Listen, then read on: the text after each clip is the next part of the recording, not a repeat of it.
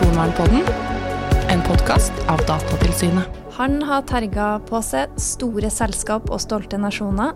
Han er en internasjonal autoritet på personvern og kunstig intelligens, og han mener at personvern ikke kan være en privatsak. For om du gir blanke i personvernet ditt, har det konsekvenser for folk rundt deg. Gjest i denne episoden av Personvernpodden er Mark Rottenberg.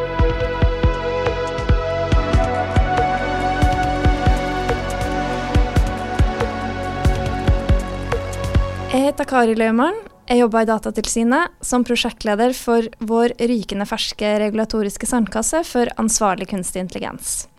Der vi skal hjelpe virksomheter med å utvikle og bruke personvernvennlig kunstig intelligens. Vi er nå midt inne i utvelgelsen etter å ha fått inn våre 25 første og svært interessante søknader.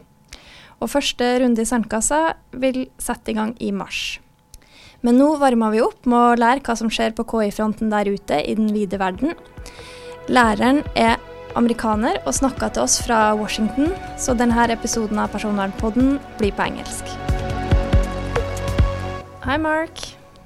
Hi, how are you? I'm good. So, Mark is an accomplished uh, chess player. He is also the author of several books.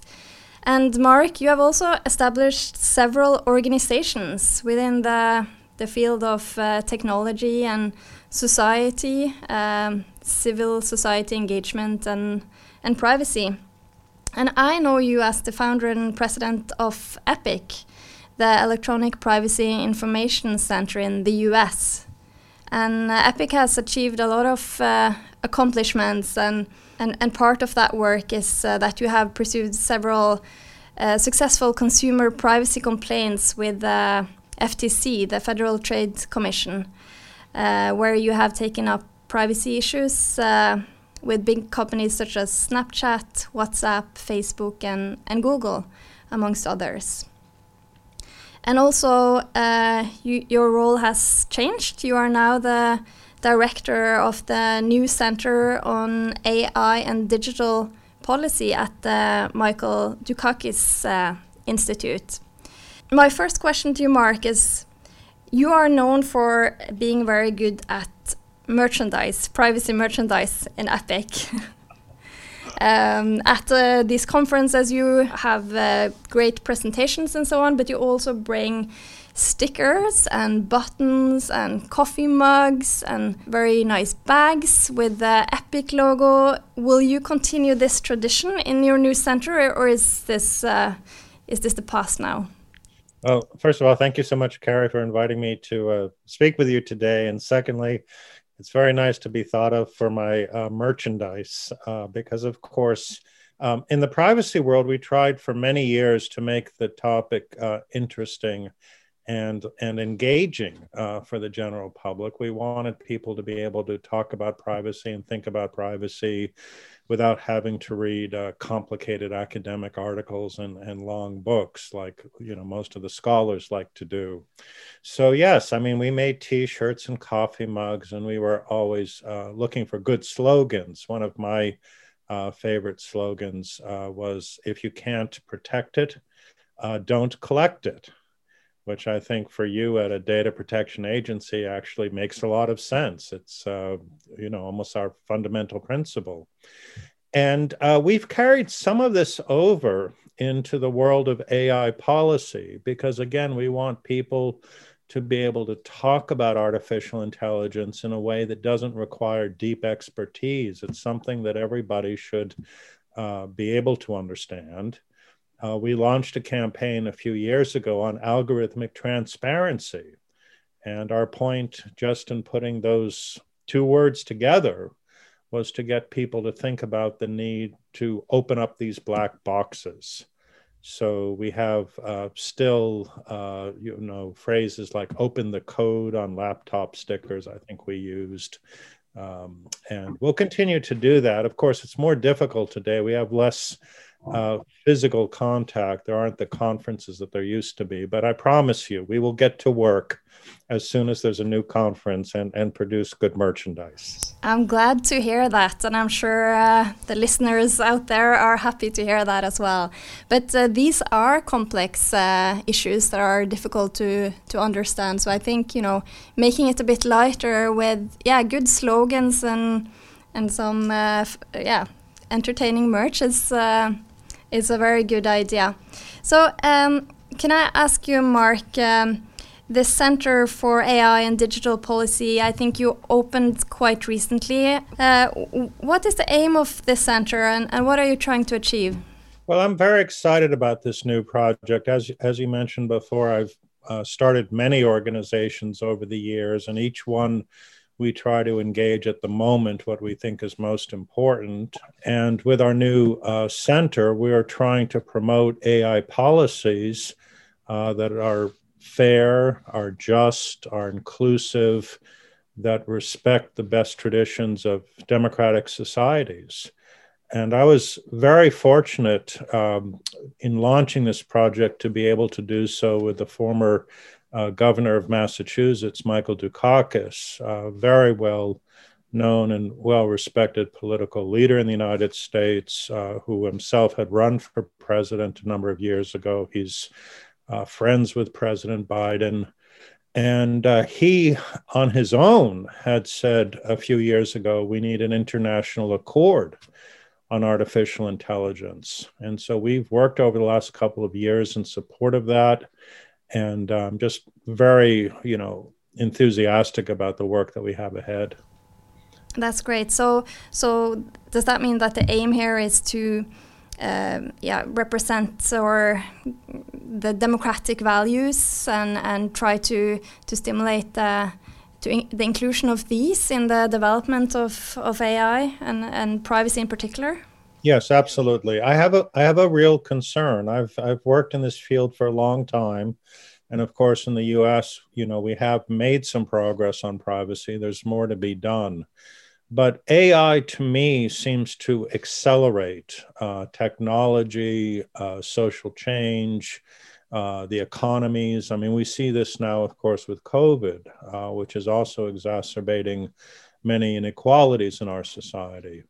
And so there is uh, urgency uh, to make sure that as countries deploy AI techniques, they do so in a way you know that's respectful of people and, and protects fundamental rights yes uh, I agree. And I know that you've already uh, launched a report um, regarding the AI and democratic values, where you look at different countries. And I think you look specifically at what kind of AI policies different countries have and whether they include uh, democratic values or strategies in these policies. Could you say something about the, the main findings uh, yes. in the report? This was a really um, interesting project, and and you know your listeners can find this, I think, online if they do a search for artificial intelligence and democratic values. That's that's the title of the report. We did something which no one had ever done before, which is that uh, we compared and evaluated and assigned scores to national policies on AI. Uh, and a perfect score would have been a 12, for example, and a complete failing score would be a, be a zero. Um, our range is between a 2.5 and a 10.5. I'm going to keep uh, the suspense and not tell you who ended up where. You'll have to go online to, to find the answers.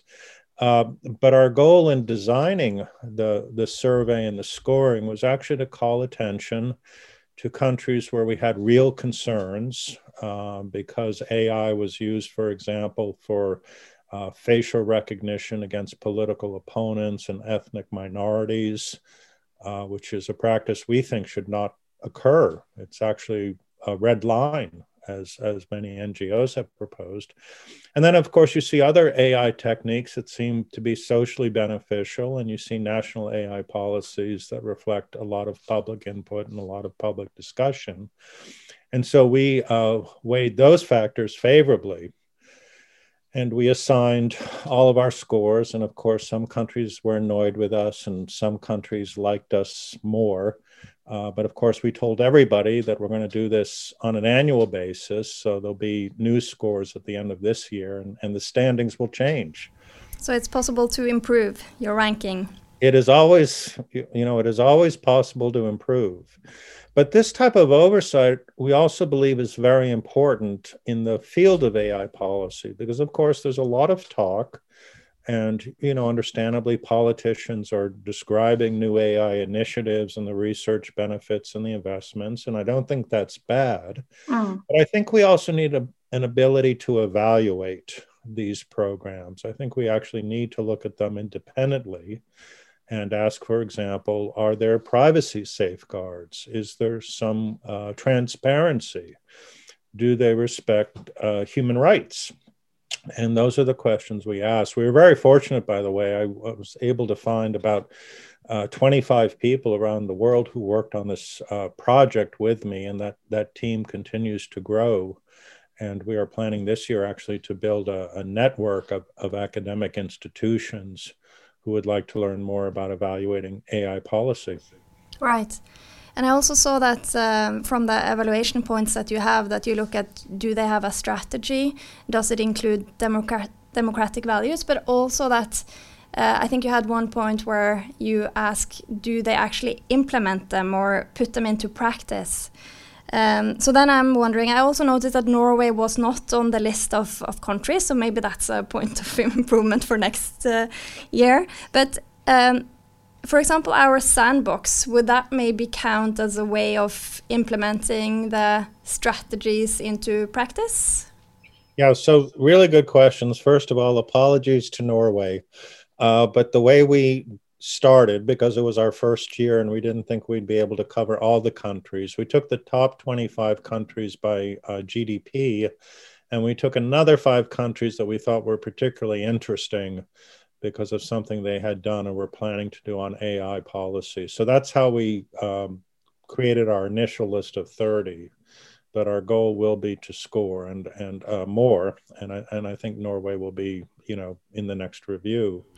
That's good. Yeah, we, we like to compare ourselves with Sweden, and I saw they were on the list, and they didn't do like particularly well, if I remember correctly. So that makes us even like more interested in, in joining the list. I'm sensing a little bit of that rivalry there. I don't, I don't think that's a new thing, but thank you for that. We will uh, we will pick up on that in the next report. Um, but but to your other point, which is also important, you, you know, we are looking at implementation so it is one thing for a country to say um, that they support the OECD AI uh, principles, which are very important. And of course, a lot of countries have said they support those principles. But we are also interested in whether, in fact, they're implementing the principles, which is actually much, much harder to evaluate. Uh, and we are still developing our, our methodology for that. We made some progress. You have to start somewhere. And I think this was a good start. Um, you ask about the sandbox. Sandbox is a very interesting concept, you know. I mean, on the one hand, you want to create some space. I don't want to say that you have the regulators locked up in a closet, but a little bit more freedom than you might otherwise have if the regulations were directly applied. So, you know, honestly, I mean, we have some concerns about how that can best be made to work. I think one of the keys, of course, always in this field is to recognize that when there are consequences for actual people, there are certainly some responsibilities as to what you do with the data.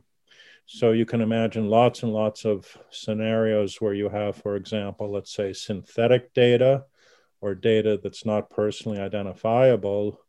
And in those instances, we say, well, you know, whatever people come up with that's innovative, that could actually be very useful uh, but then when we begin to take the personal data of actual people, you know, I think rightly there's going to be some question about the possible consequence. So that would be my general advice on a sandbox procedure.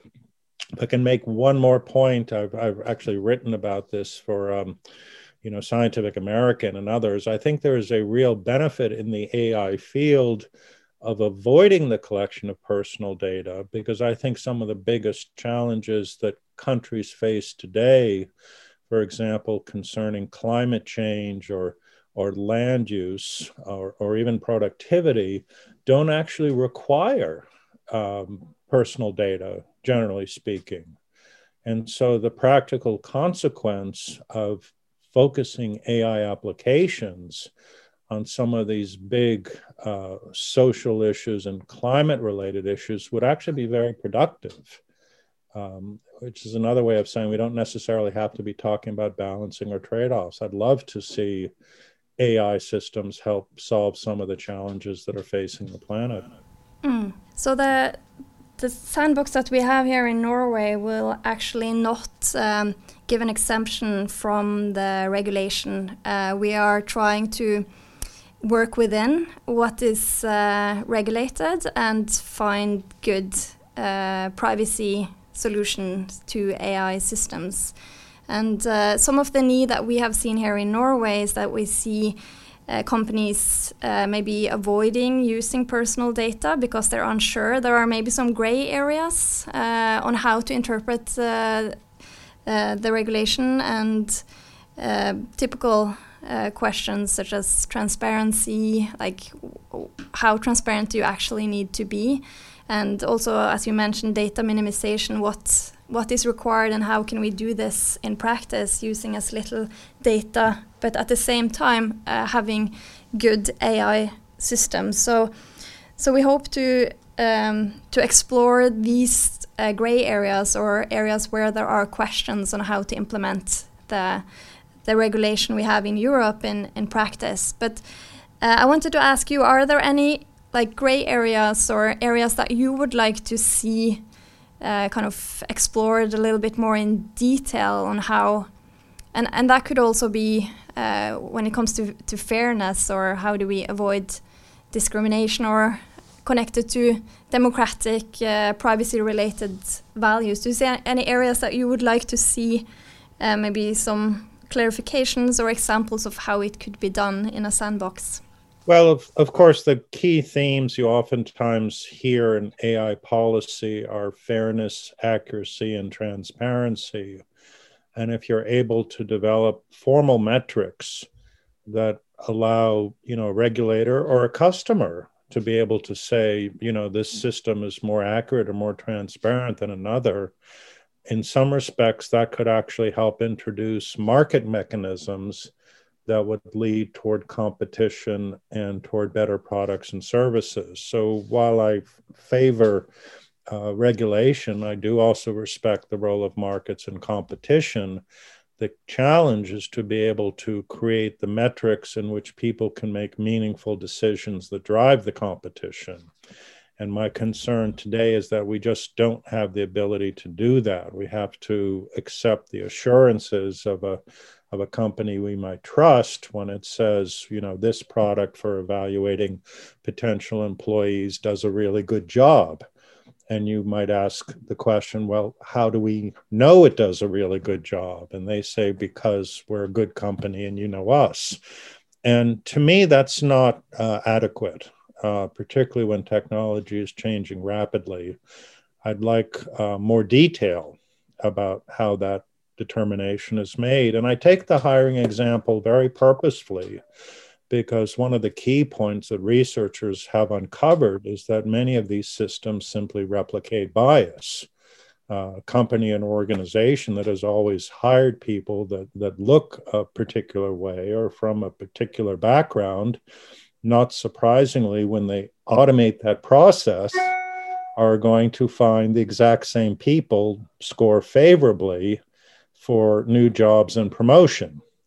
And if we're thinking seriously about how to make the world more inclusive, then we will need to look at those techniques more critically and say, well, that's just giving me an answer you know from how we used to do things and we'd like to change mm. so i think we need um, better techniques and and maybe your sandbox can help make this possible so that we actually have the ability to make you know good choices about ai services based on good information mm. And do you see this market mechanism where privacy is maybe a competitive advantage as something that is coming soon, or are we still not quite there?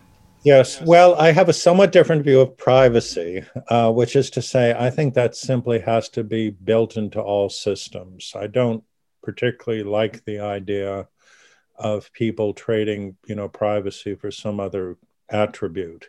Uh, I think of privacy protection much like I think of auto safety. Uh, if a manufacturer says, you know, you'll save a, a, thousand euro on this car, but we've decided not to include brakes, uh, and it's your choice, uh, you know, I don't think people should be given that choice. Uh, because that's not a car that's safe either for the driver or, interestingly, safe for others mm. if it's placed on the road. And sometimes with technology, we also miss this dimension. Uh, we say, well, let people decide if they want to use a service, you know, that doesn't have all the best features, but they that may actually have consequences for others as well. Uh, an obvious example being email. I mean, if you use an insecure email service, everyone that you're in communication with is also at risk. So these things, in, in my view, need to be built in. And when do you think we'll get there? Are we there now? No, I, I don't think we're there now. And as I said at the beginning, I have a genuine concern. I try not to use the word worry, so I'll use the word concern. Uh, the, the temptation to rely on complex AI systems without being able to prove the outcome or to replicate the outcome you know, is very great. Uh, it happens in a lot of different domains. I mean, we see it in the measurement of ad revenue uh, for companies that you know place ads on the internet. We see it in the ability to match images of cats. And you look at the outcome and you say, wow, that's tremendous. That's better than what a person could do. But if you ask the developer, can you prove how you did that the developer might you know toss their hands and say well this is machine learning and you see with machine learning it's actually very difficult to to prove outcomes and that's a problem i think uh, i actually have a bit of background in ai but you know i was there in the very early days and they were simply what we would call then rule based expert systems they were like giant decision trees uh, which were easy to understand and evaluate. Uh, today, the systems that we look at are very difficult to comprehend. Uh, that's true, the black box, the famous black box. And can I also ask you um, about uh, the situation in the US? Uh, you have a new president now, and there's been discussion around a federal privacy bill for a long time. Do you see anything happening there in the near future, or are we still far away from a federal privacy bill? Well, I'm optimistic. In fact, if you work in the privacy world, you have to be optimistic. You really don't have a have a choice. I think uh, there is a lot of activity at the state level, and it's significant. For example, that California recently updated its own uh, state privacy law. That's, of course, a very influential state with a very big economy and it tends to have sometimes people call the California effect is like the Brussels effect. So we follow uh, what happens in California and the other states. I think there's support in Washington uh, for federal privacy legislation. There were many bills that were introduced last year.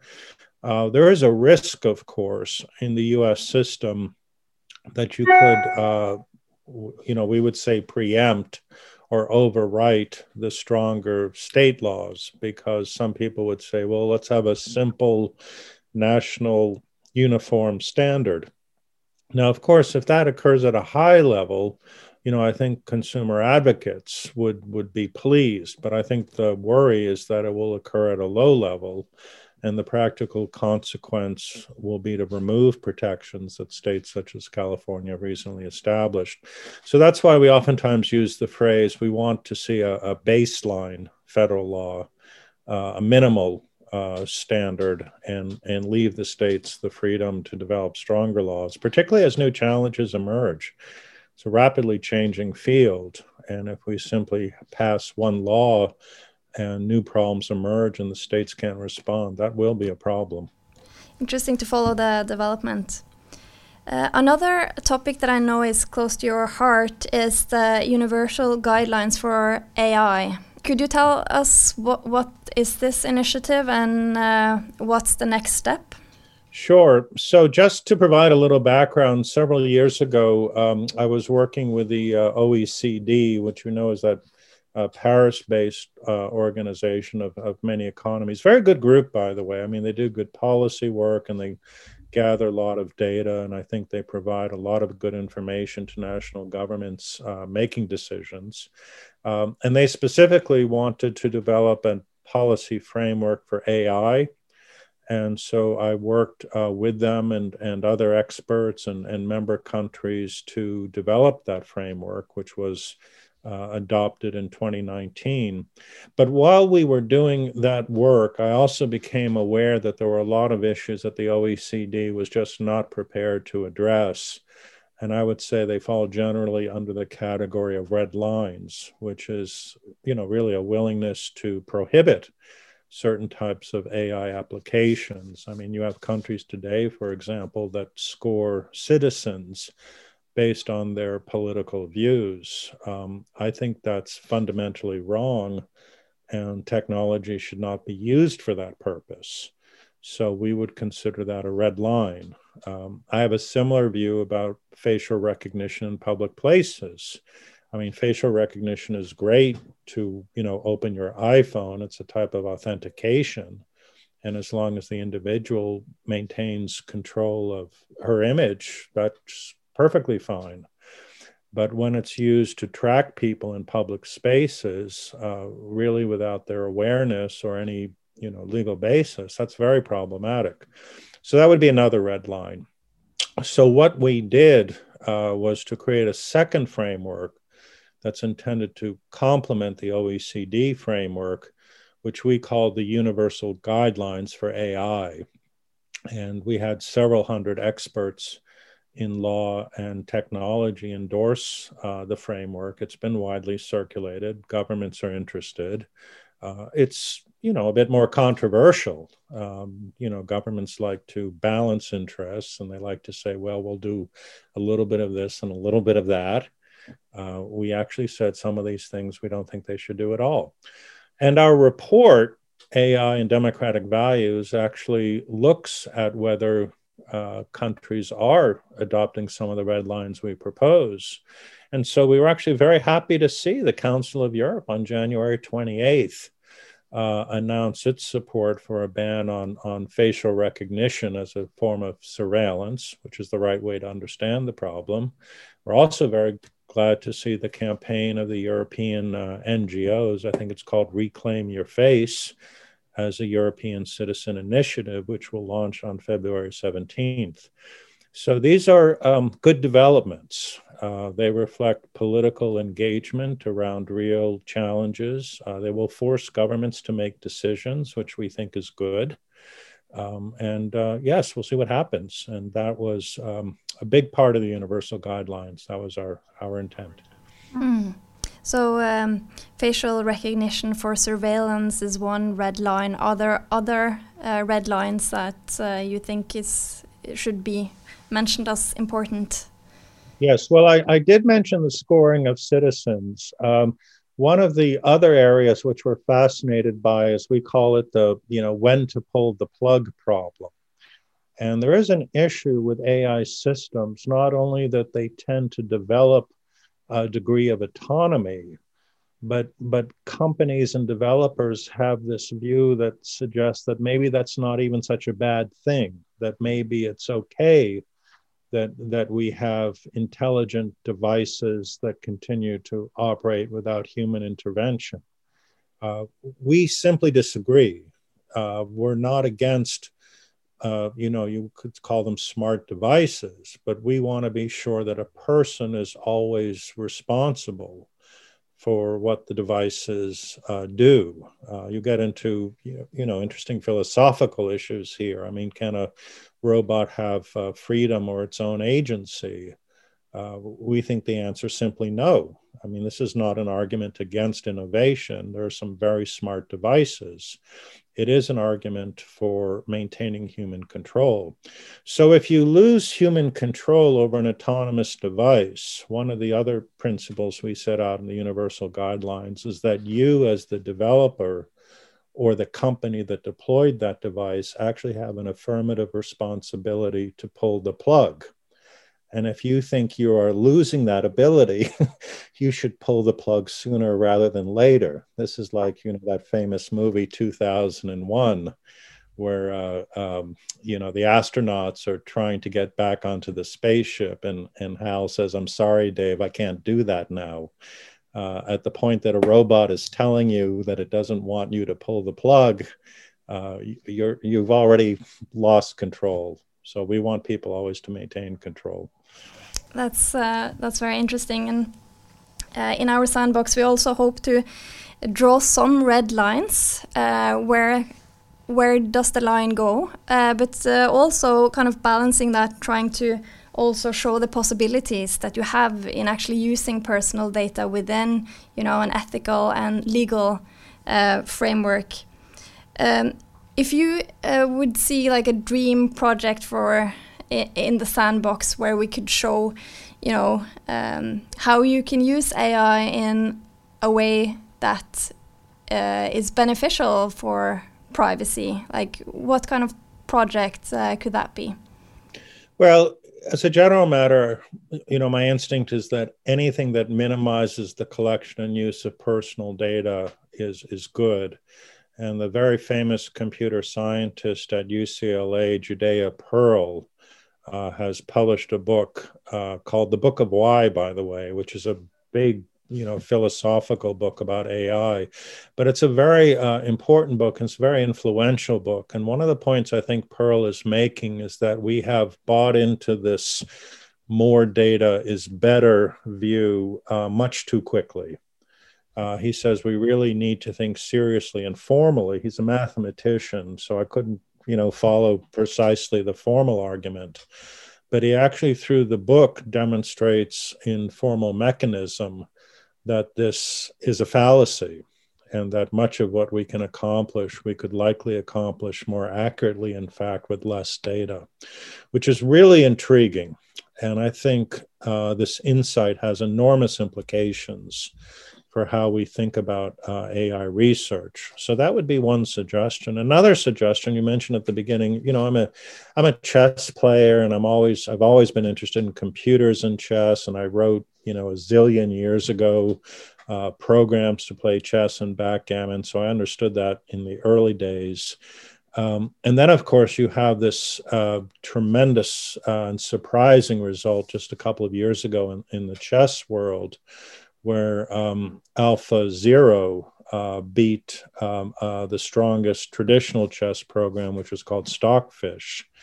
And uh, people looked at those games and they were kind of fascinated. It was uh, machine learning versus AI. And, and as uh, Garry Kasparov wrote about the match, he said you find a, a level of creativity in the new AI that he did not anticipate um, which again was very exciting and very intriguing uh, and had no harmful consequence for privacy.